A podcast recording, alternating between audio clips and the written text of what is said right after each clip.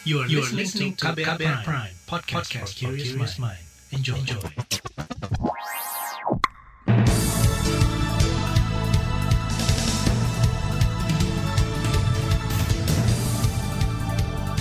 Anda mendengarkan buletin pagi hari ini 2 September 2021 yang dipersembahkan oleh kantor Berita Radio saya Reski Mesanto.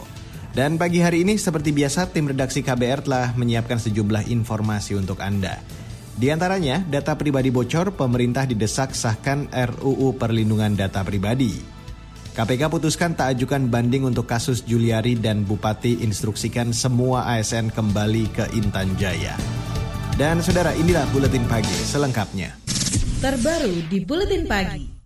Saudara, kasus kebocoran data pribadi masyarakat berulang kali terjadi di Indonesia. Yang terbaru ialah soal kebocoran jutaan data pribadi pengguna kartu kewaspadaan kesehatan atau e-hack buatan Kementerian Kesehatan. Staf khusus Menteri Komunikasi dan Informatika Henry Subiakto mengakui, masalah keamanan data masih menjadi pekerjaan rumah pemerintah.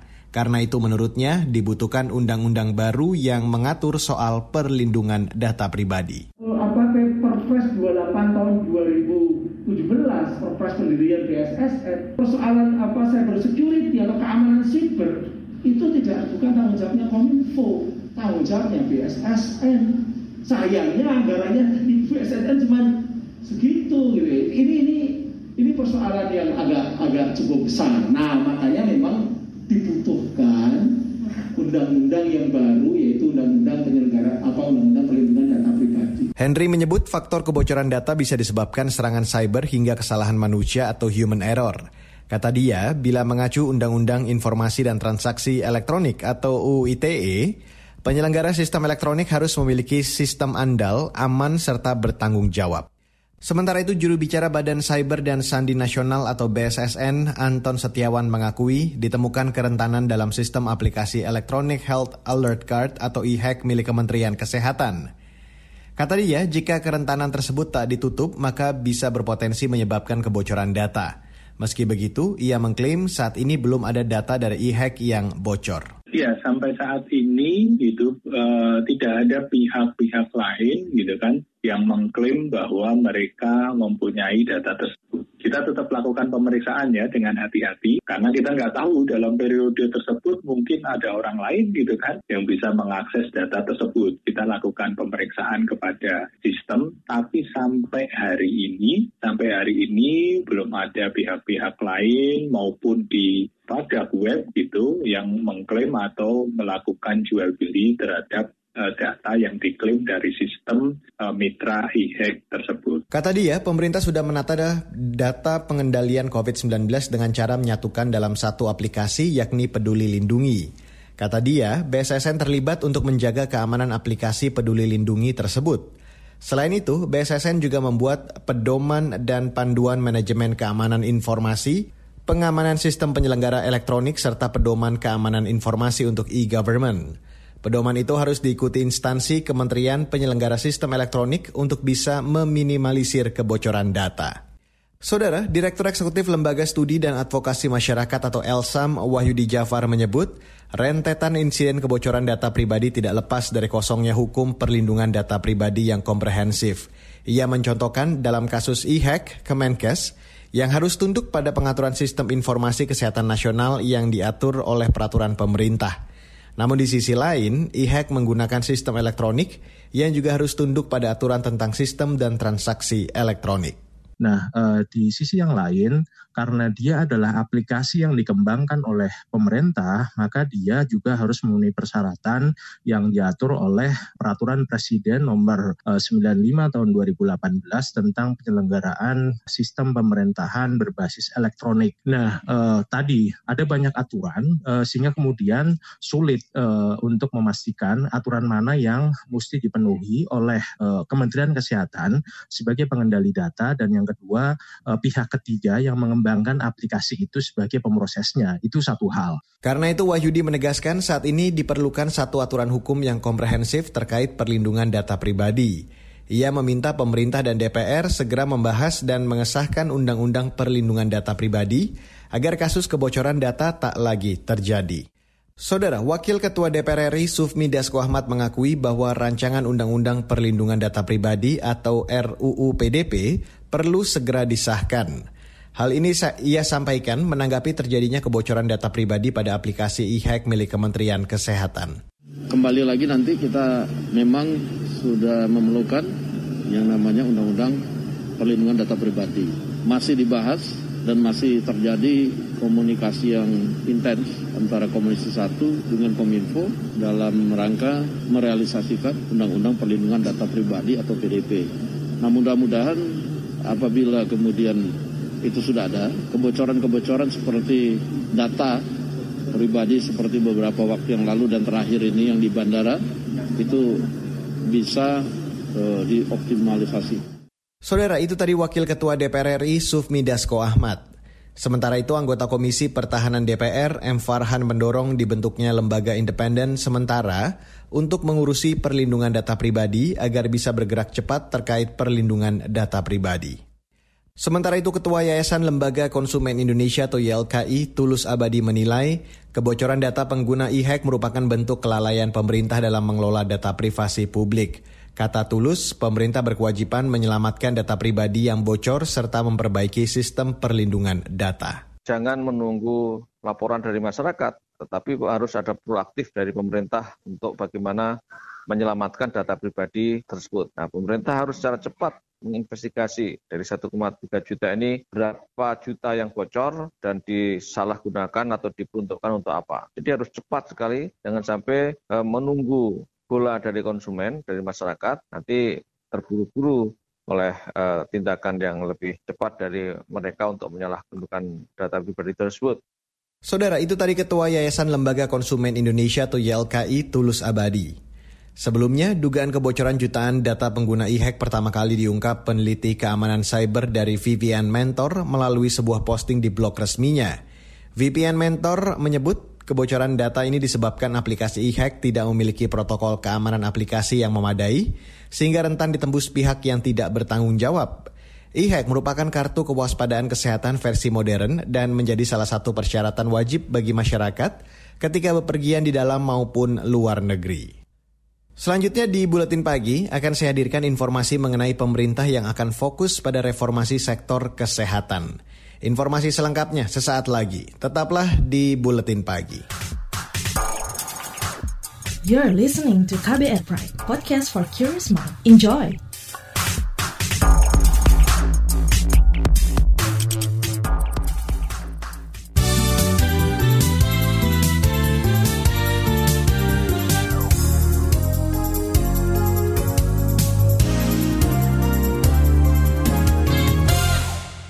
Saudara Ketua Bidang Data dan Teknologi Informasi Satgas Penanganan COVID-19 Dewi Nuraisya mengklaim angka kematian akibat COVID-19 pada bulan ini menurun dibandingkan puncak kasus kematian pada akhir Juli 2021. Klaim ini ia sampaikan saat memberikan pemutakhiran data mingguan perkembangan situasi COVID-19 akhir Juli ini masih tinggi gitu ya. Nah, Kemudian iya. di awal Agustus sudah mulai terlihat ada penurunan dan ternyata masih berlanjut sampai dengan sekarang kita berhasil menurunkan angka kematian yang puncaknya di akhir Juli masih seminggu kematian 12 ribuan sekarang sudah di angka uh, sekitar 5.551 atau sekitar uh, setengahnya lah sudah turun gitu ya dari puncak yang ada di akhir Juli 2021. Kata dia, jika dilihat secara mingguan, rata-rata angka kematian secara harian juga menurun. Pada akhir Juli, angka kematian sekitar 1.700-an kasus, saat ini berada di angka 790-an kasus. Meski begitu, terkait angka kematian COVID-19 disebut tetap menjadi perhatian dan catatan pemerintah pusat dan daerah. Sementara itu, kalangan peneliti mendorong pemerintah mempersiapkan kapasitas produksi vaksin jadi di dalam negeri.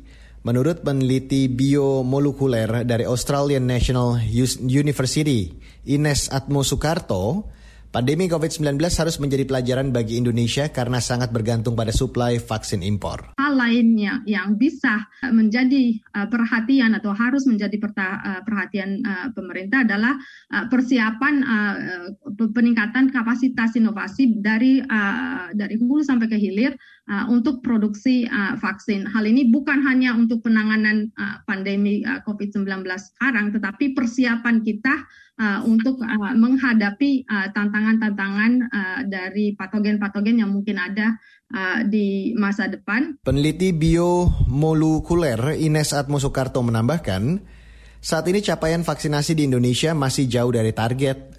Karena itu pemerintah diminta melupakan target vaksinasi nasional yaitu 70% penduduk. Ines berharap pemerintah lebih fokus pada upaya mengusahakan cakupan vaksinasi seluas-luasnya. Beralih ke kabar hukum, saudara. Komisi Pemberantasan Korupsi atau KPK tidak menempuh upaya hukum banding terhadap putusan bekas Menteri Sosial Juliari Peter Batubara.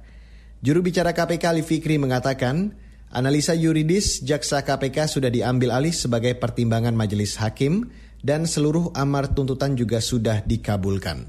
Uh, maka KPK juga tidak lakukan upaya hukum banding.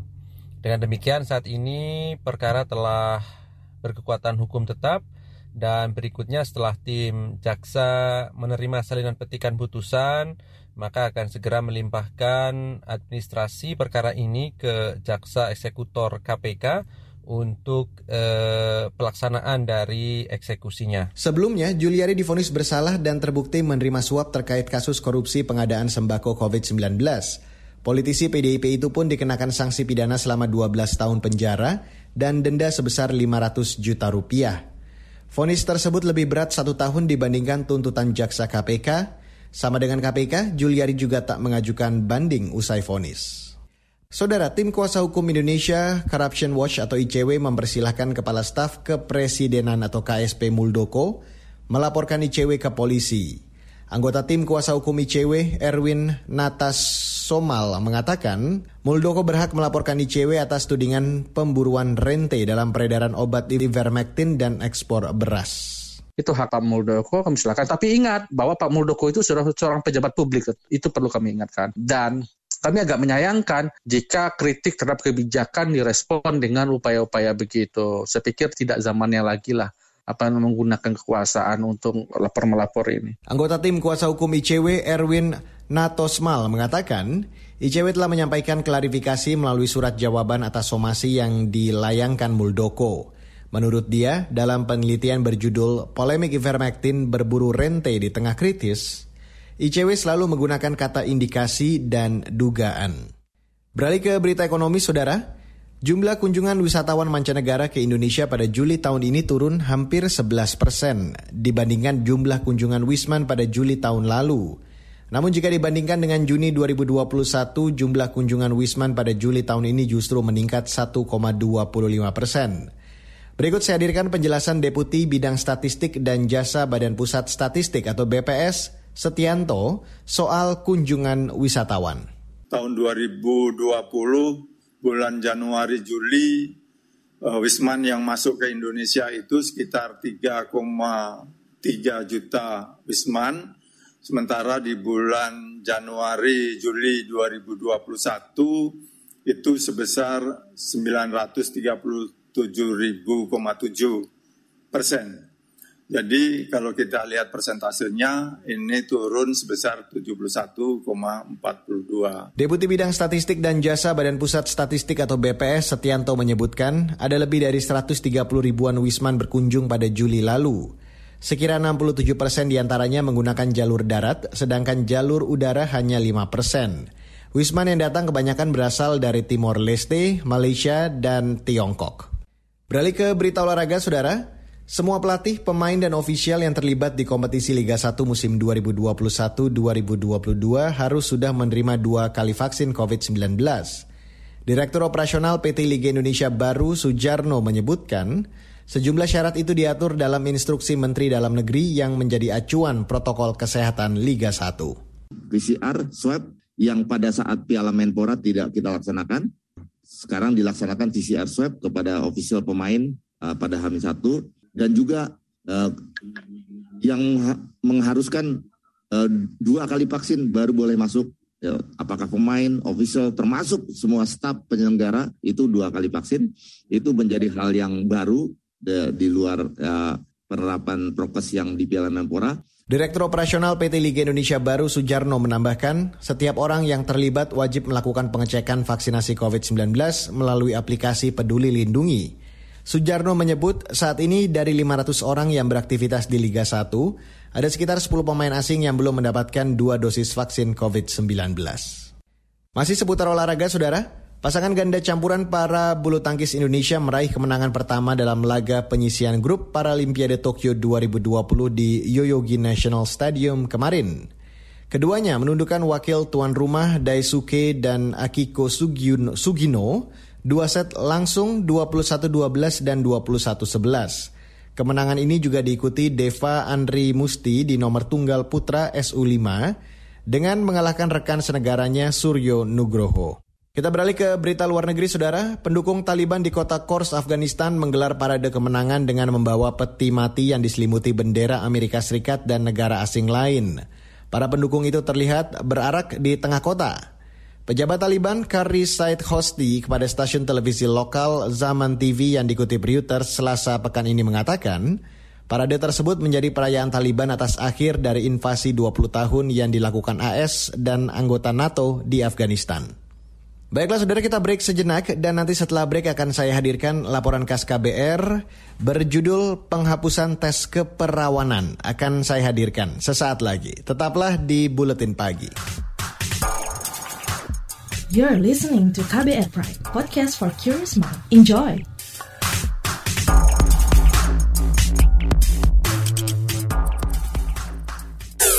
Commercial break transfer ke sini udah, bayar ini juga udah. Ke gue udah. Heh, Allah, pertumbuhan ekonomi tuh lagi melambat, persis kayak tabungan gue.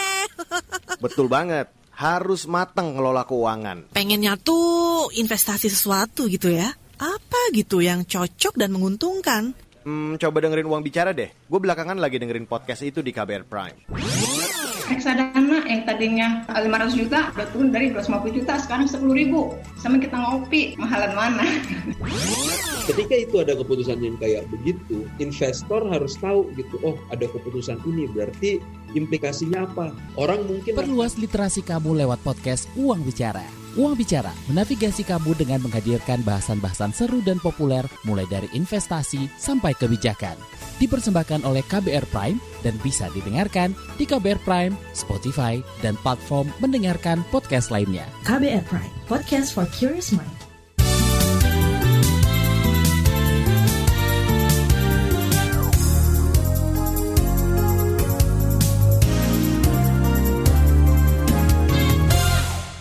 Anda masih bergabung di Buletin Pagi hari ini. Saudara, TNI Angkatan Darat menghapus tes keperawanan untuk perempuan yang mendaftar sebagai kandidat anggota Korps Wanita TNI Angkatan Darat atau KOWAT. Penghapusan syarat tes keperawanan ini disambut baik sebagian besar kelompok masyarakat, terutama yang selama ini menentang pelaksanaan tes tersebut dengan alasan diskriminatif terhadap perempuan. Selengkapnya, saya ajak Anda untuk langsung mendengarkan laporan KAS KBR yang disusun Astri Yuwanasari. Pada pemeriksaan panggul dan genitalia, biasanya yang dilakukan adalah genitalia eksterna pemeriksaannya, kemudian lanjut ke introitus, habis itu ke vagina dan cervix, kemudian terakhir rektal. Nah, kita perbaiki tidak ada lagi pemeriksaan vagina dengan cervix. Itu tadi pernyataan Kepala Staf TNI Angkatan Darat Andika Perkasa saat meninjau latihan gabungan Garuda Shield di Kutai Kartanegara, Kalimantan Timur pada 12 Agustus lalu. Andika memastikan tidak akan ada lagi tes keperawanan terhadap perempuan yang mendaftar sebagai kandidat anggota Korps Wanita TNI Angkatan Darat atau KOAT. Andika mengklaim tes keperawanan itu sudah tidak lagi dilakukan sejak Mei lalu sejak Mei kemarin karena memang sudah akan masuk seleksi atau rekrutmen e, bintara yang di antaranya juga melibatkan bintara dari wanita yang akan masuk ke Korps Wanita Angkatan Darat.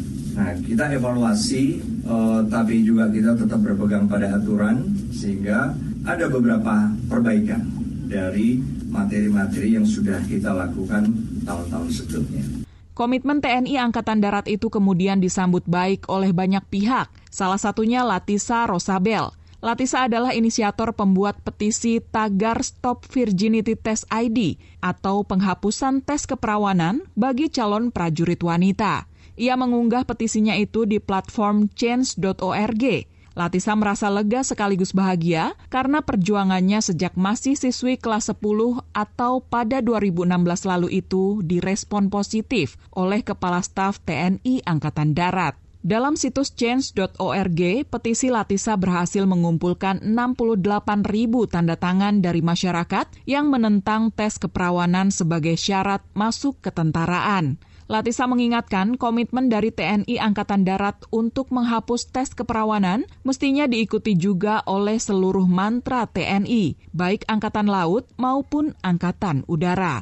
Saya harap penghapusan tes keperawanan akan diresmikan dalam dokumen yang terbuka ke publik dan diimplementasikan secara efektif. Saya juga harap para pemimpin-pemimpin TNI menghimbau atau setidaknya mengajak pihak TNI AL dan AU untuk menunjukkan komitmen yang sama. Permintaan Latisa itu pun langsung dijawab oleh Kepala Pusat Kesehatan TNI Angkatan Darat Budiman. Dalam diskusi daring yang diselenggarakan change.org kemarin, Budiman menegaskan keputusan menghapus tes keperawanan sudah tertuang dalam penyempurnaan petunjuk teknis atau juknis pemeriksaan uji badan TNI Angkatan Darat. Juknis itu sudah disahkan sejak Juni lalu. Menurut Budiman, bukan hanya tes keperawanan yang dihapus, banyak sejumlah tes lain seperti uji anggota gerak atas, gerak bawah, penglihatan, hingga gigi kini juga sudah mengalami penyesuaian. Sesuai dengan dinamika perubahan zaman yang terjadi, himen atau selaput darah tidak lagi menjadi tujuan pemeriksaan uji badan personil TNI ya Angkatan Darat karena TNI pun sudah mulai menyesuaikan eh, Kapuskes TNI, Majen TNI Dokter Tugas juga sudah eh, mengumpulkan semua untuk melakukan revisi. Bahkan kata-kata himen ya, atau selaput darah dihilangkan dalam formulir pemeriksaan uji badan. Sementara itu, pensiunan perwira tinggi polisi wanita Sri Rumiati menyarankan perlu pernyataan hitam di atas putih untuk memastikan tes keperawanan tidak akan lagi digunakan, terutama untuk merekrut calon prajurit perempuan, baik polisi maupun TNI ataupun di lembaga lain di Indonesia. Sri juga mengungkapkan Polri sudah lebih dulu mengeluarkan surat keputusan bahwa tes keperawanan tidak boleh diterapkan lagi di lingkungan kepolisian. Menurutnya, praktik pengetesan yang bertujuan untuk mengukur moral seseorang itu sangat tidak adil karena hanya dilakukan pada perempuan saja. Kalau urusan masalah moral, kita juga harus membuat dong. Ukurannya apa moral itu? Apakah hanya sekedar himen itu aja bisa menjamin? Sementara selama ini tidak ada bukti penelitian yang menunjukkan bahwa perempuan yang rusak imannya pasti rusak moralnya. Bahwa perempuan yang tidak perawan pasti juga tidak produktif di dalam bekerja. Belum ada satupun penelitian yang menunjukkan itu. Jadi alasan utamanya sebetulnya apa? Kita harus memberikan kesempatan seluas mungkin pada anak-anak bangsa mengabdi ke negara baik melalui polisi maupun TNI. Demikian laporan khas KBR, saya Astri Yuwanasari. Saudara, di bagian akhir dari buletin pagi hari ini akan saya hadirkan informasi dari berbagai daerah di Indonesia. Tetaplah bersama kami. You're listening to KBR Pride, podcast for curious mind. Enjoy!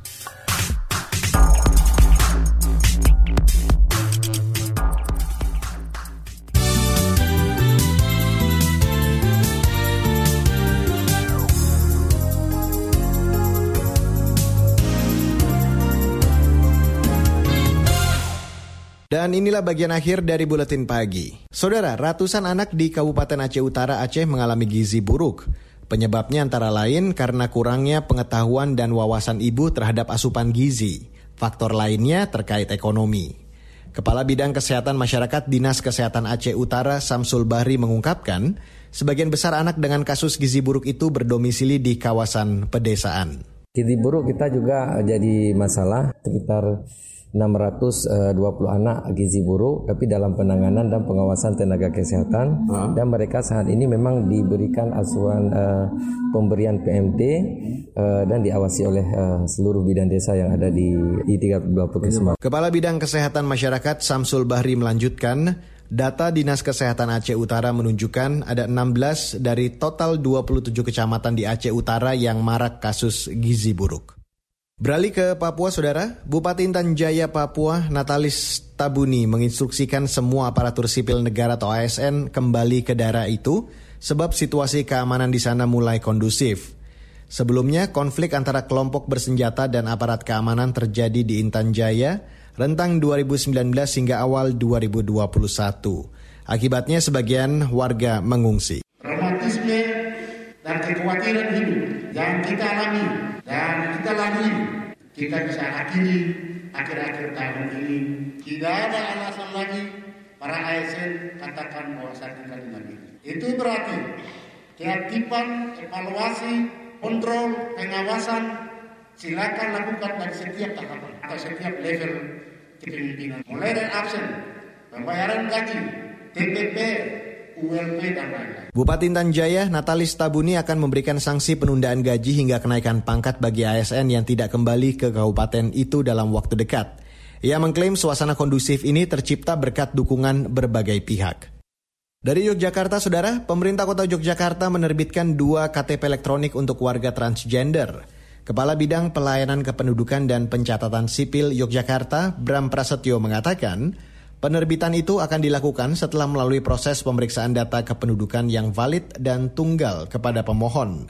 Di dalam KTP, jenis kelamin tetap akan ditulis sesuai jenis kelamin awal atau sesuai kodratnya, kecuali sudah ada keputusan dari pengadilan terkait penggantian kelamin. Untuk foto di KTP, transgender bisa berfoto dengan gaya rambut panjang atau mengenakan riasan wajah. Dan informasi tadi sekaligus menutup buletin pagi untuk hari ini edisi 2 September 2021. Terima kasih untuk Anda yang sudah bergabung pagi hari ini dan jangan lupa untuk Anda yang beraktivitas di luar rumah hari ini selalu terapkan dan patuhi protokol kesehatan di mana pun Anda berada. Dan apabila Anda tidak memiliki kebutuhan yang benar-benar mendesak, tetaplah di rumah, kurangi mobilitas karena itu adalah salah satu kunci untuk memutus rantai penyebaran COVID-19. Jangan lupa, untuk Anda yang tertinggal buletin pagi hari ini, Anda kembali bisa mendengarkannya di podcast. Ada di Spotify, Apple Podcast, KBR Prime, dan platform mendengarkan podcast lainnya. Mewakili tim redaksi yang bertugas pagi hari ini, saya Reski Mesanto undur diri dari Buletin Pagi. Salam.